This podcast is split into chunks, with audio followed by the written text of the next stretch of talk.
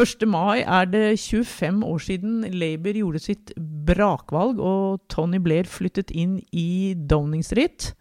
Det skal vi snakke om i denne episoden av Pod Britannia, hvor vi også skal se litt på hvordan det har gått med Labour i valgene etter 1997, og vi skal også se fram mot lokalvalget 5. mai. Jeg heter Trine Andersen, og med meg i dag har jeg min medredaktør Øyvind Brattberg. We shall never surrender. The pride in who we are is not a part of our past. It defines our present and our future. The people of Scotland have spoken. England, Scotland, Wales, Northern Ireland together, taking us forward, unleashing the potential of the whole country. Ja, Øyvind. eh, Tony Blair han flyttet da inn i Downing Street etter dette valget i 1997, da Labour fikk 418 representanter i Underhuset. Det var vel rekord. Hva var det egentlig han klarte som eh, vel ingen andre Labour-ledere har klart like godt etter ham?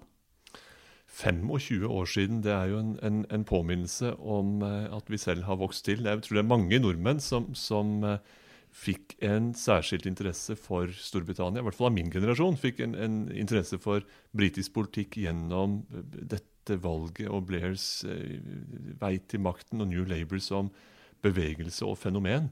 Det var, noe, det var åpenbart noe nytt som fant sted. Det var et uh, Labour-parti som lenge hadde vært i, i skyggen, mens uh, Tory-partiet, Margaret Thatcher og John Major hadde vært statsministre i, i tur og orden, og de konservative hadde hatt regjeringsmakt i 18 år sammenhengende. Labour kom inn som et, et uh, friskt pust, kan man si. En sånn moderniserende kraft. Fanget eh, tidsånden. Og det er nesten komisk når man ser det i, liksom i bakspeilet, for du, du går ikke fri av klisjeene. Det var noe med 1990-tallet med en fremtidstro, en, en slags eh, Nå åpner vi opp samfunnet. Vi har troen på, på fred og globalisering internasjonalt. Vi har troen på nye muligheter og og eh, en annen frihet for alle mennesker, også her eh, i Storbritannia. Og en, en, en slags sånn cool Britannia, moderne, ungt, kreativt, eh, fritt. Og veldig mye av dette fanget Tony Blair opp i, sin, i sitt prosjekt for, for eh, Labour, som da strengt tatt ikke var sosialdemokratisk. Det, det fremsto i hvert fall ikke som en sånn klassisk venstresideparti. Det var mer en sånn en, et parti som var catch all, et fenomen som, som, alle skulle kunne forholde seg til, unntatt de mest forstokket konservative. De skulle ikke se noen sjarm med Tony Blair, men alle andre skulle det. Og det maktet de å bære helt fram til, til valget, og gjorde altså et, en fenomenal fremgang. og og vant et heidundrende flertall i, i Underhuset. Ja, det er det vi kjenner som New Labour, ikke sant? Det, er, det var jo merkelappen de selv Tony Blair selv, selv, valgte. Han overtok partiledelsen i 1994, altså tre år før dette valget. Og de hadde jo møysommelig bygget opp en sånn troverdighet i at de, de, de, kunne håndtere økonomisk politikk og kunne skjøtte landets finanser vel og sånn. Det, det, ryktet hadde de forsøkt å bygge opp stein for stein i opposisjon. Og så kom Tony Blair med, med en sånn ungdommelighet på toppen av det. En, en mann som åpenbart ville alle vel, var, var dyktig retorisk, var en stor sjarmør og hadde bare gode ønsker for, for, alle. Og det gikk rett hjem. Ja, Nå skal vi også huske på hvem, som, hvem, det var han konkurrerte mot den gangen. Hvem som var leder av de konservative. Det var vel den gråeste av de gråe. Det var John Major. Eh, han var jo ikke akkurat den store karismatikeren. så Nei, jeg... Tony Blair, jeg husker jeg var til stede i London i 1997 under dette valget, og det var jo et voldsomt driv i byen. altså Du kjente liksom denne forventningen og, og, og, og, denne troen på at nå skulle, nå skulle det skje noe nytt med, med, Tony Blair. Og det var jo også da jeg fikk den store interessen for, for britisk politikk. Du var jo der og fanget jo, apropos det å fange tidsånden og skjønne hva som foregikk. og Også her er det jo vanskelig å gå fri fra klisjeene. For det, det man hadde, var jo et, et, et litt sånn utslitt, eh, skandalisert, eh, regjeringstrøtt konservativt parti med en bankmann i, i spissen. Altså Jeg har sans, veldig sans for John Major, men han var jo en meget grå skikkelse. Og han ledet en regjering hvor de politiske skandalene sto i kø, hvor, hvor man syntes å være fullstendig out of touch. Og det var på et vis slitne, godt voksne eh, hvite menn holdt jeg på å si, som, som bekledte regjeringen, mens Tony Blair hadde nye, friske folk, friske tanker, og, og ønsket å, hva skal man si, oppdatere britisk politikk og samfunnsliv eh, i, i lys av en endret verden og et endret samfunn. Eh, 1990-tallet var jo også et tiår med veldig knoppskyting kulturelt, altså innenfor musikk og teater og veldig mange Det, det var jo et, et veldig blomstrende tiår. Og Tony Blair eh, og, og, og Labour syntes å, å, å ta denne tiden på pulsen på en helt annen måte enn hva de konservative var i stand til. Ja, han var jo litt sånn rockestjerne med gitar og, og, og sånn. Og ikke minst noe som begeistret meg den gangen, husker jeg, det var alle disse kvinnene han fikk inn. Ja, Altså en fjerde, over, over, ja, Blaze Babes, det høres jo helt forferdelig ut i dag, men det var ca. en fjerdedel av de 418, jeg lurer på om det var rett over 100, som var kvinner. Det høres kanskje ikke så mye ut i dag, men det var det den gangen. Og det var jo nesten en revolusjon da i britisk eh, parlamentarisk liv, i hvert fall, å få så mange kvinner inn i Underhuset. Ja, det var det. det, var det. det var, og Labour representerte både altså b- b- likestilling eh, og også mer flerkulturell representasjon. altså de gjorde, Det britiske parlamentet ble endret ansikt, rett og slett. og Det ble et ganske stort generasjonsskifte. Eh, De konservative ble jo veldig redusert i omfang med sin parlamentsgruppe. og, og da de etter hvert kom tilbake i, og økte sin oppslutning i de påfølgende valgene, så tok de jo etter et stykke på vei det som, som eh, Labour under Blair hadde satt i gang, både når det gjelder kvinnelige parlamentarikere og det gjelder minoritetsrepresentanter. Så det, det var en liten kulturrevolusjon, det som eh, fant sted, også politisk. Ja, jeg er jo litt glad i tall, så vi kan jo kanskje gå tilbake til disse 418 representantene Labour fikk. Så fikk altså faktisk de konservative det er bare 165.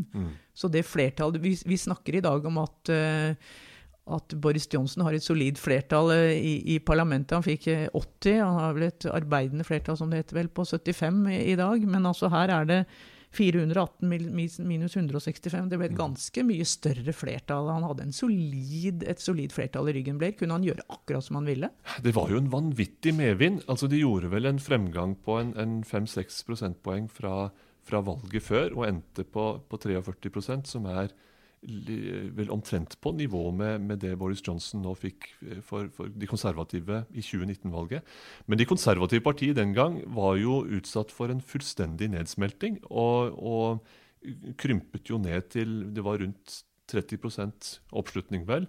Og samtidig var det mye taktisk stemmegivning også fra velgere som ikke ønsket de ønsket ikke mer eh, konservativ eh, regjering. De ønsket ikke mer av det.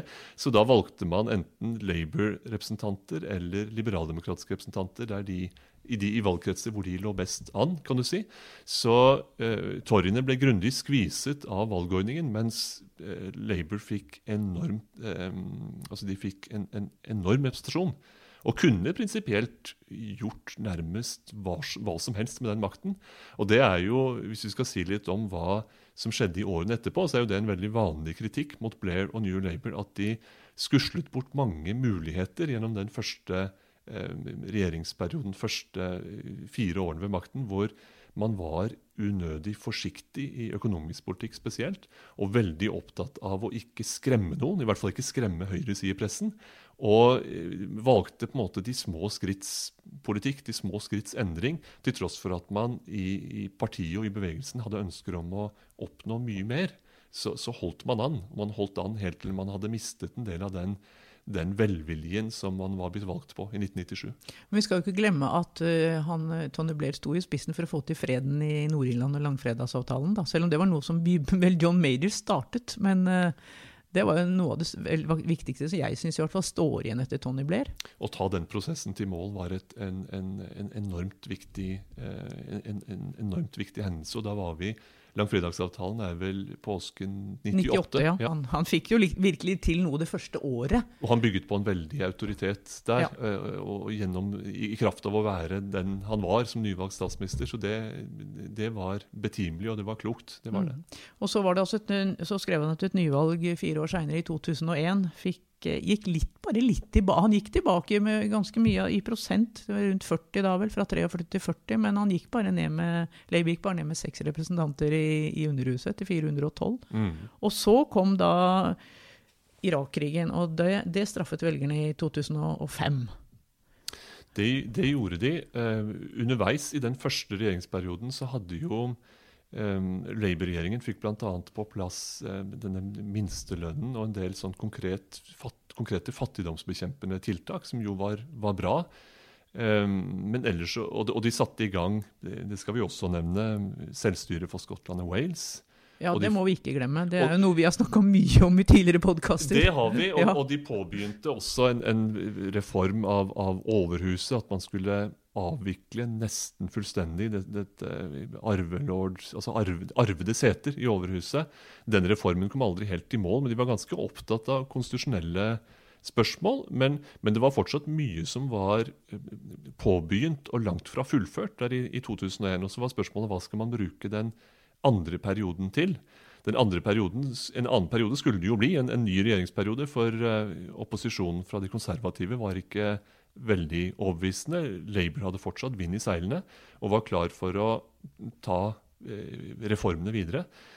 Men så kommer 11.9.2001, og så kommer Irak. Og Tony Blair selv blir mer av en utenrikspolitisk eh, misjonær, og kanskje etter hvert en, en hauk, eh, og, og som, som, som går på, på tvers av folkemeningen, limer seg tett på den amerikanske ganske voldsomme planen for Midtøsten og for, for Irak. Og det blir etter hvert det som preger resten av Tony Blairs regjeringstid. Altså Han er et stort aktivum med mange, mange tanker og planer, men utenrikspolitikken, og etter hvert en svært upopulær utenrikspolitikk, blir det som, som, som på et vis det blir den store og dominerende overskriften som, som eh, Tony Blair knyttes til. Mm, det er det som preger hans ettermæle, og det, det må jo på mange måter være bittert for ham, for han fikk til en del annet, som du også sier her. Og det, er, det, det er jo helt um, bisart også, når man ser på avisforsidene som du har med deg her fra, fra 1997, og ser den unge, smilende,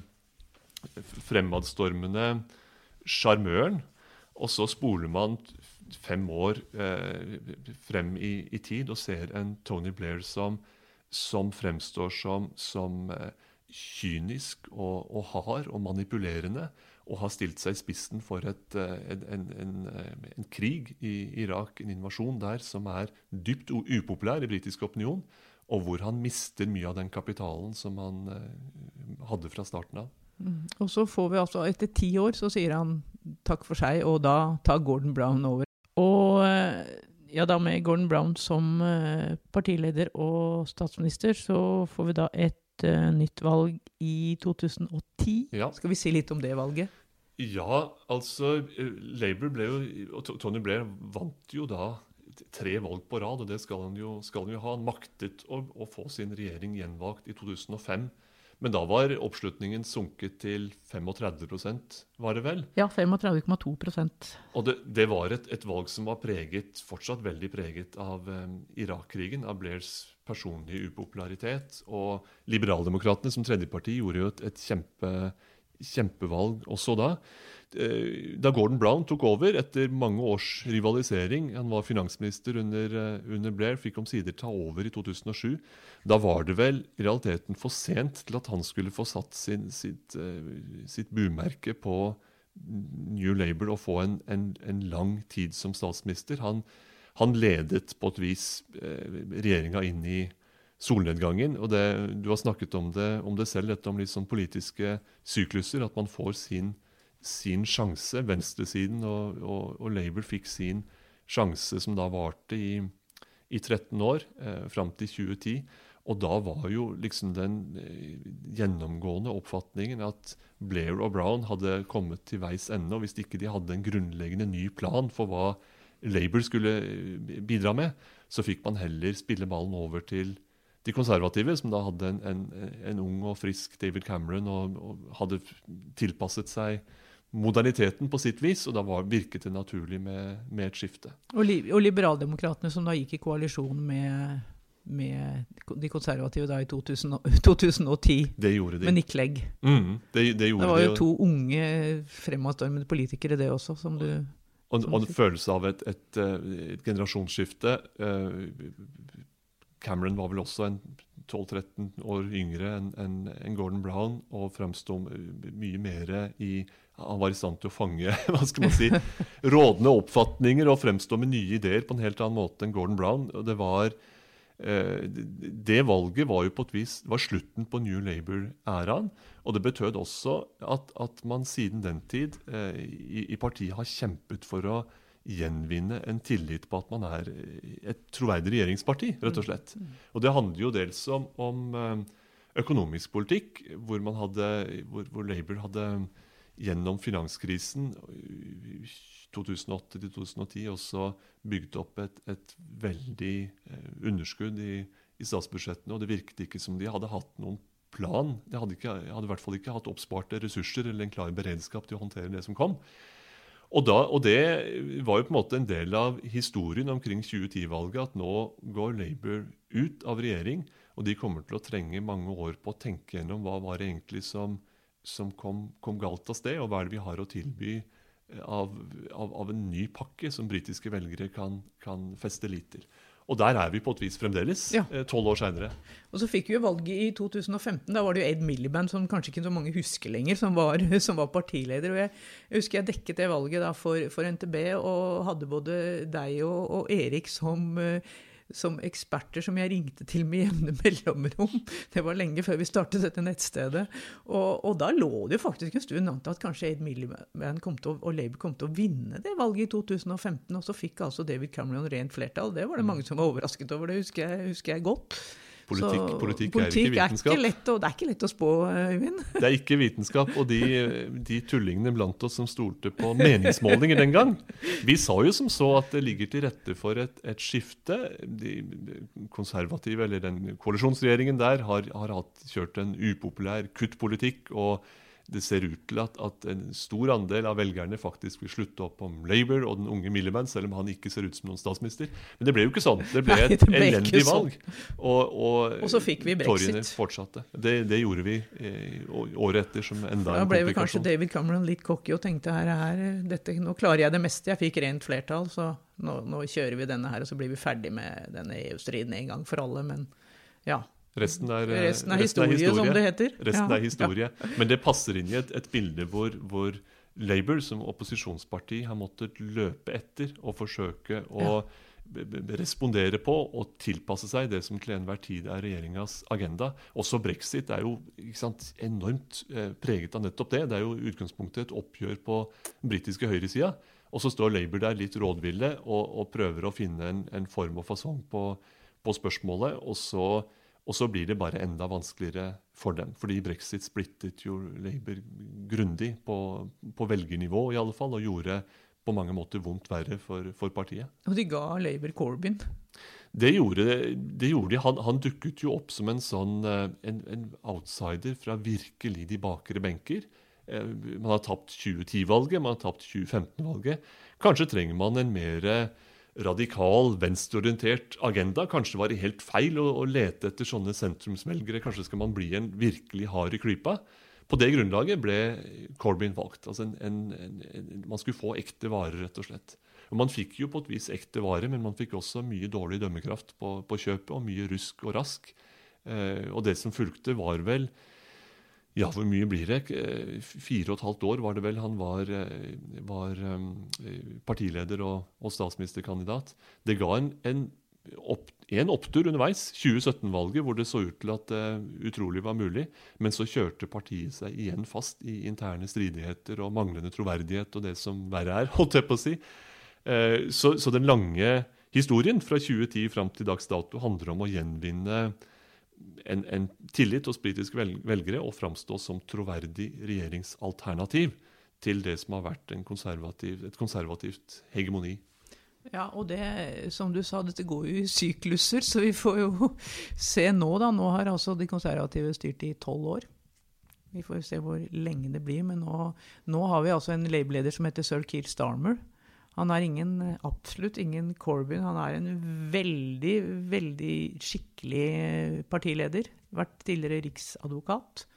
Og kan dette med å, å stå i Underhuset og og sparre med Boris Johnson. Og hvordan, hvordan, altså, nå har vi et lokalvalg 5. mai. Boris Johnson er i, i, trøbbel, det vet vi alle sammen. Og det er mange som sier at dette lokalvalget kan få konsekvenser for Boris Johnson. Det, det tror jeg ikke vi tør å spå om engang. Det er ingen som tør å spå om Boris Johnson lenger, hvor lenge han blir sittende. Men et sånt lokallag for Labour, da, hva, hva kan det ha, få bety for Sir Keir Starmer? Det har vi jo ikke hørt så mye om. Han trenger jo en, eh, et, et, virkelig håndslag, altså et bevis på at han har, har eh, appell, helt konkret ved valgurnene, har appell eh, god nok og, og sterk nok til at eh, Labour er, er um, en, en, en, mulig vinner av det neste parlamentsvalget. Eh, og det som skjer i, i, mai denne gang, blir jo en temperaturmål på Det handler jo om, om den konservative regjeringen og Boris Johnsons dalende popularitet, og så handler det om Labours forsiktig voksende popularitet og tolkning av hva det kan, kan, kan føre til. Det er noen veldig, veldig lærdommer fra Tony Blairs eh, vei til makten her. Jeg syns det ofte er litt, sånn, eh, litt for enkelt å snakke om denne sentrumsvelgeren og det å partiet går mot sentrum og fanger fanger en større andel av folket, og vips, så har man fått det til. og sånn. Det virker litt sånn eh, for enkelt som modell, for hva er vel egentlig sentrum? Det, det tar jo litt forskjellig form i forskjellige, til forskjellige tider og sånn. Men eh, selv om eh, britisk politikk ser annerledes ut i dag, spørsmålene er litt andre, konfliktene er litt andre, så er det en evig lærdom i dette at et topartisystem som britene har, da er man nødt til å vinne mer enn noen subkulturer for å få regjeringsmakt. Man er nødt til å vinne en svær andel av folket, og da må det dels må det noen kompromisser til, og dels må man rekke, strekke ut en hånd til ganske forskjellige grupper og klare å, å treffe forskjellige typer velgere. Og det maktet New Labour til gangs. Og den koden er det som Keir Starmer nå sliter med å, å, knekke, og som han må prøve å knekke. Men i, i disse lokalvalgene, da, nå er det jo bl.a. lokalvalg til eh, de fleste, fleste bydeler, er det det i, eller hva blir det det i London? Ja, mye av det er, I, i, i London. Og der mm. står vel Labour sterkt? Det gjør de. Det gjør de, og det er kanskje noe av problemet. ja. Iallfall er det en sånn by-land, by ikke by-land, men, men, storby mot resten side av saken, hvor, hvor Labour står enormt sterkt blant, blant, unge i spesielt i de litt sånn vellykkede, fremgangsrike byene. Der det, er, der, der det er, unge, kreative næringer og, og mange med høy utdanning og sånn. Der står Labour kjempesterkt. Og så sliter de bann av bein med, med, å få gjennomslag i en del mindre byer og en del av de brexit-pregede områdene eh, langt fra storbyen der har eh, Keir Starmer og Labour mye uløst. Så, så fokus er særlig rettet mot, mot, de delene. Og det er ikke så mange av de, de um, lokale eh, områdene som, som, er del av valget nå i mai. For det går jo også det på rundgang at det er ulike deler av landet hvert år som mm. holder lokalvalg. Uh, men det er der den, den virkelige, virkelige testen står for om Labour har, har, bred nok appell, om de kan vinne et sånn, sånn, folkelig mandat som de gjorde den gang. Og Når det gjelder de konservative, så sier jo de at de faktisk er mer da, redd for framgang framgangen til liberaldemokratene, som jo også har tatt eh, ganske overraskende kandidater, for, har vunnet ganske overraskende i noe tidlig suppleringsvalg. Mm. Her er det jo en, en slags rullering hvor de konservative under Boris Johnson har tatt en del gamle Labour-kjerneområder. Og Samtidig så er liberaldemokratene i ferd med å, å, å, true noen av de konservative kjerneområdene, fordi de, de vel mener at Boris Johnson har en, en agenda som er litt fremmed, fremmed for dem. Er blitt, det er blitt for mye stor stat og høye skatter og, og litt for drøy brexit-agenda og slik. Og, og de litt sånn velmenende middelklassefolk i Sør-England de trekker i større grad mot liberaldemokratene. Men helt til slutt, Øyvind, altså valget nå på torsdag den 5. mai. Hva, hva tror du for slags betydning det kommer til å ha for Boris Johnson, da, hvis vi skal ta det helt til slutt? det er jo et, et helt konkret eh, altså Holder man ut en temperaturmåler og spør hva folket mener om, om, om statsministeren, så gir et lokalvalgresultat også et, et, eh, et, et slags svar på, på det. Og det vil tolkes i den retningen. Og han er jo i en presset posisjon. Og hvis det blir et, et så dårlig valgresultat som mange av prognosene sier, så, så er det ikke bra. Det vil øke presset på Boris Johnson.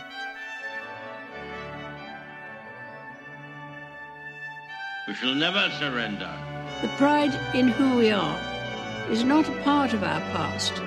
It defines our present and our future. The people of Scotland have spoken. England, Scotland, Wales, Northern Ireland, together, taking us forward, unleashing the potential of the whole country. Order!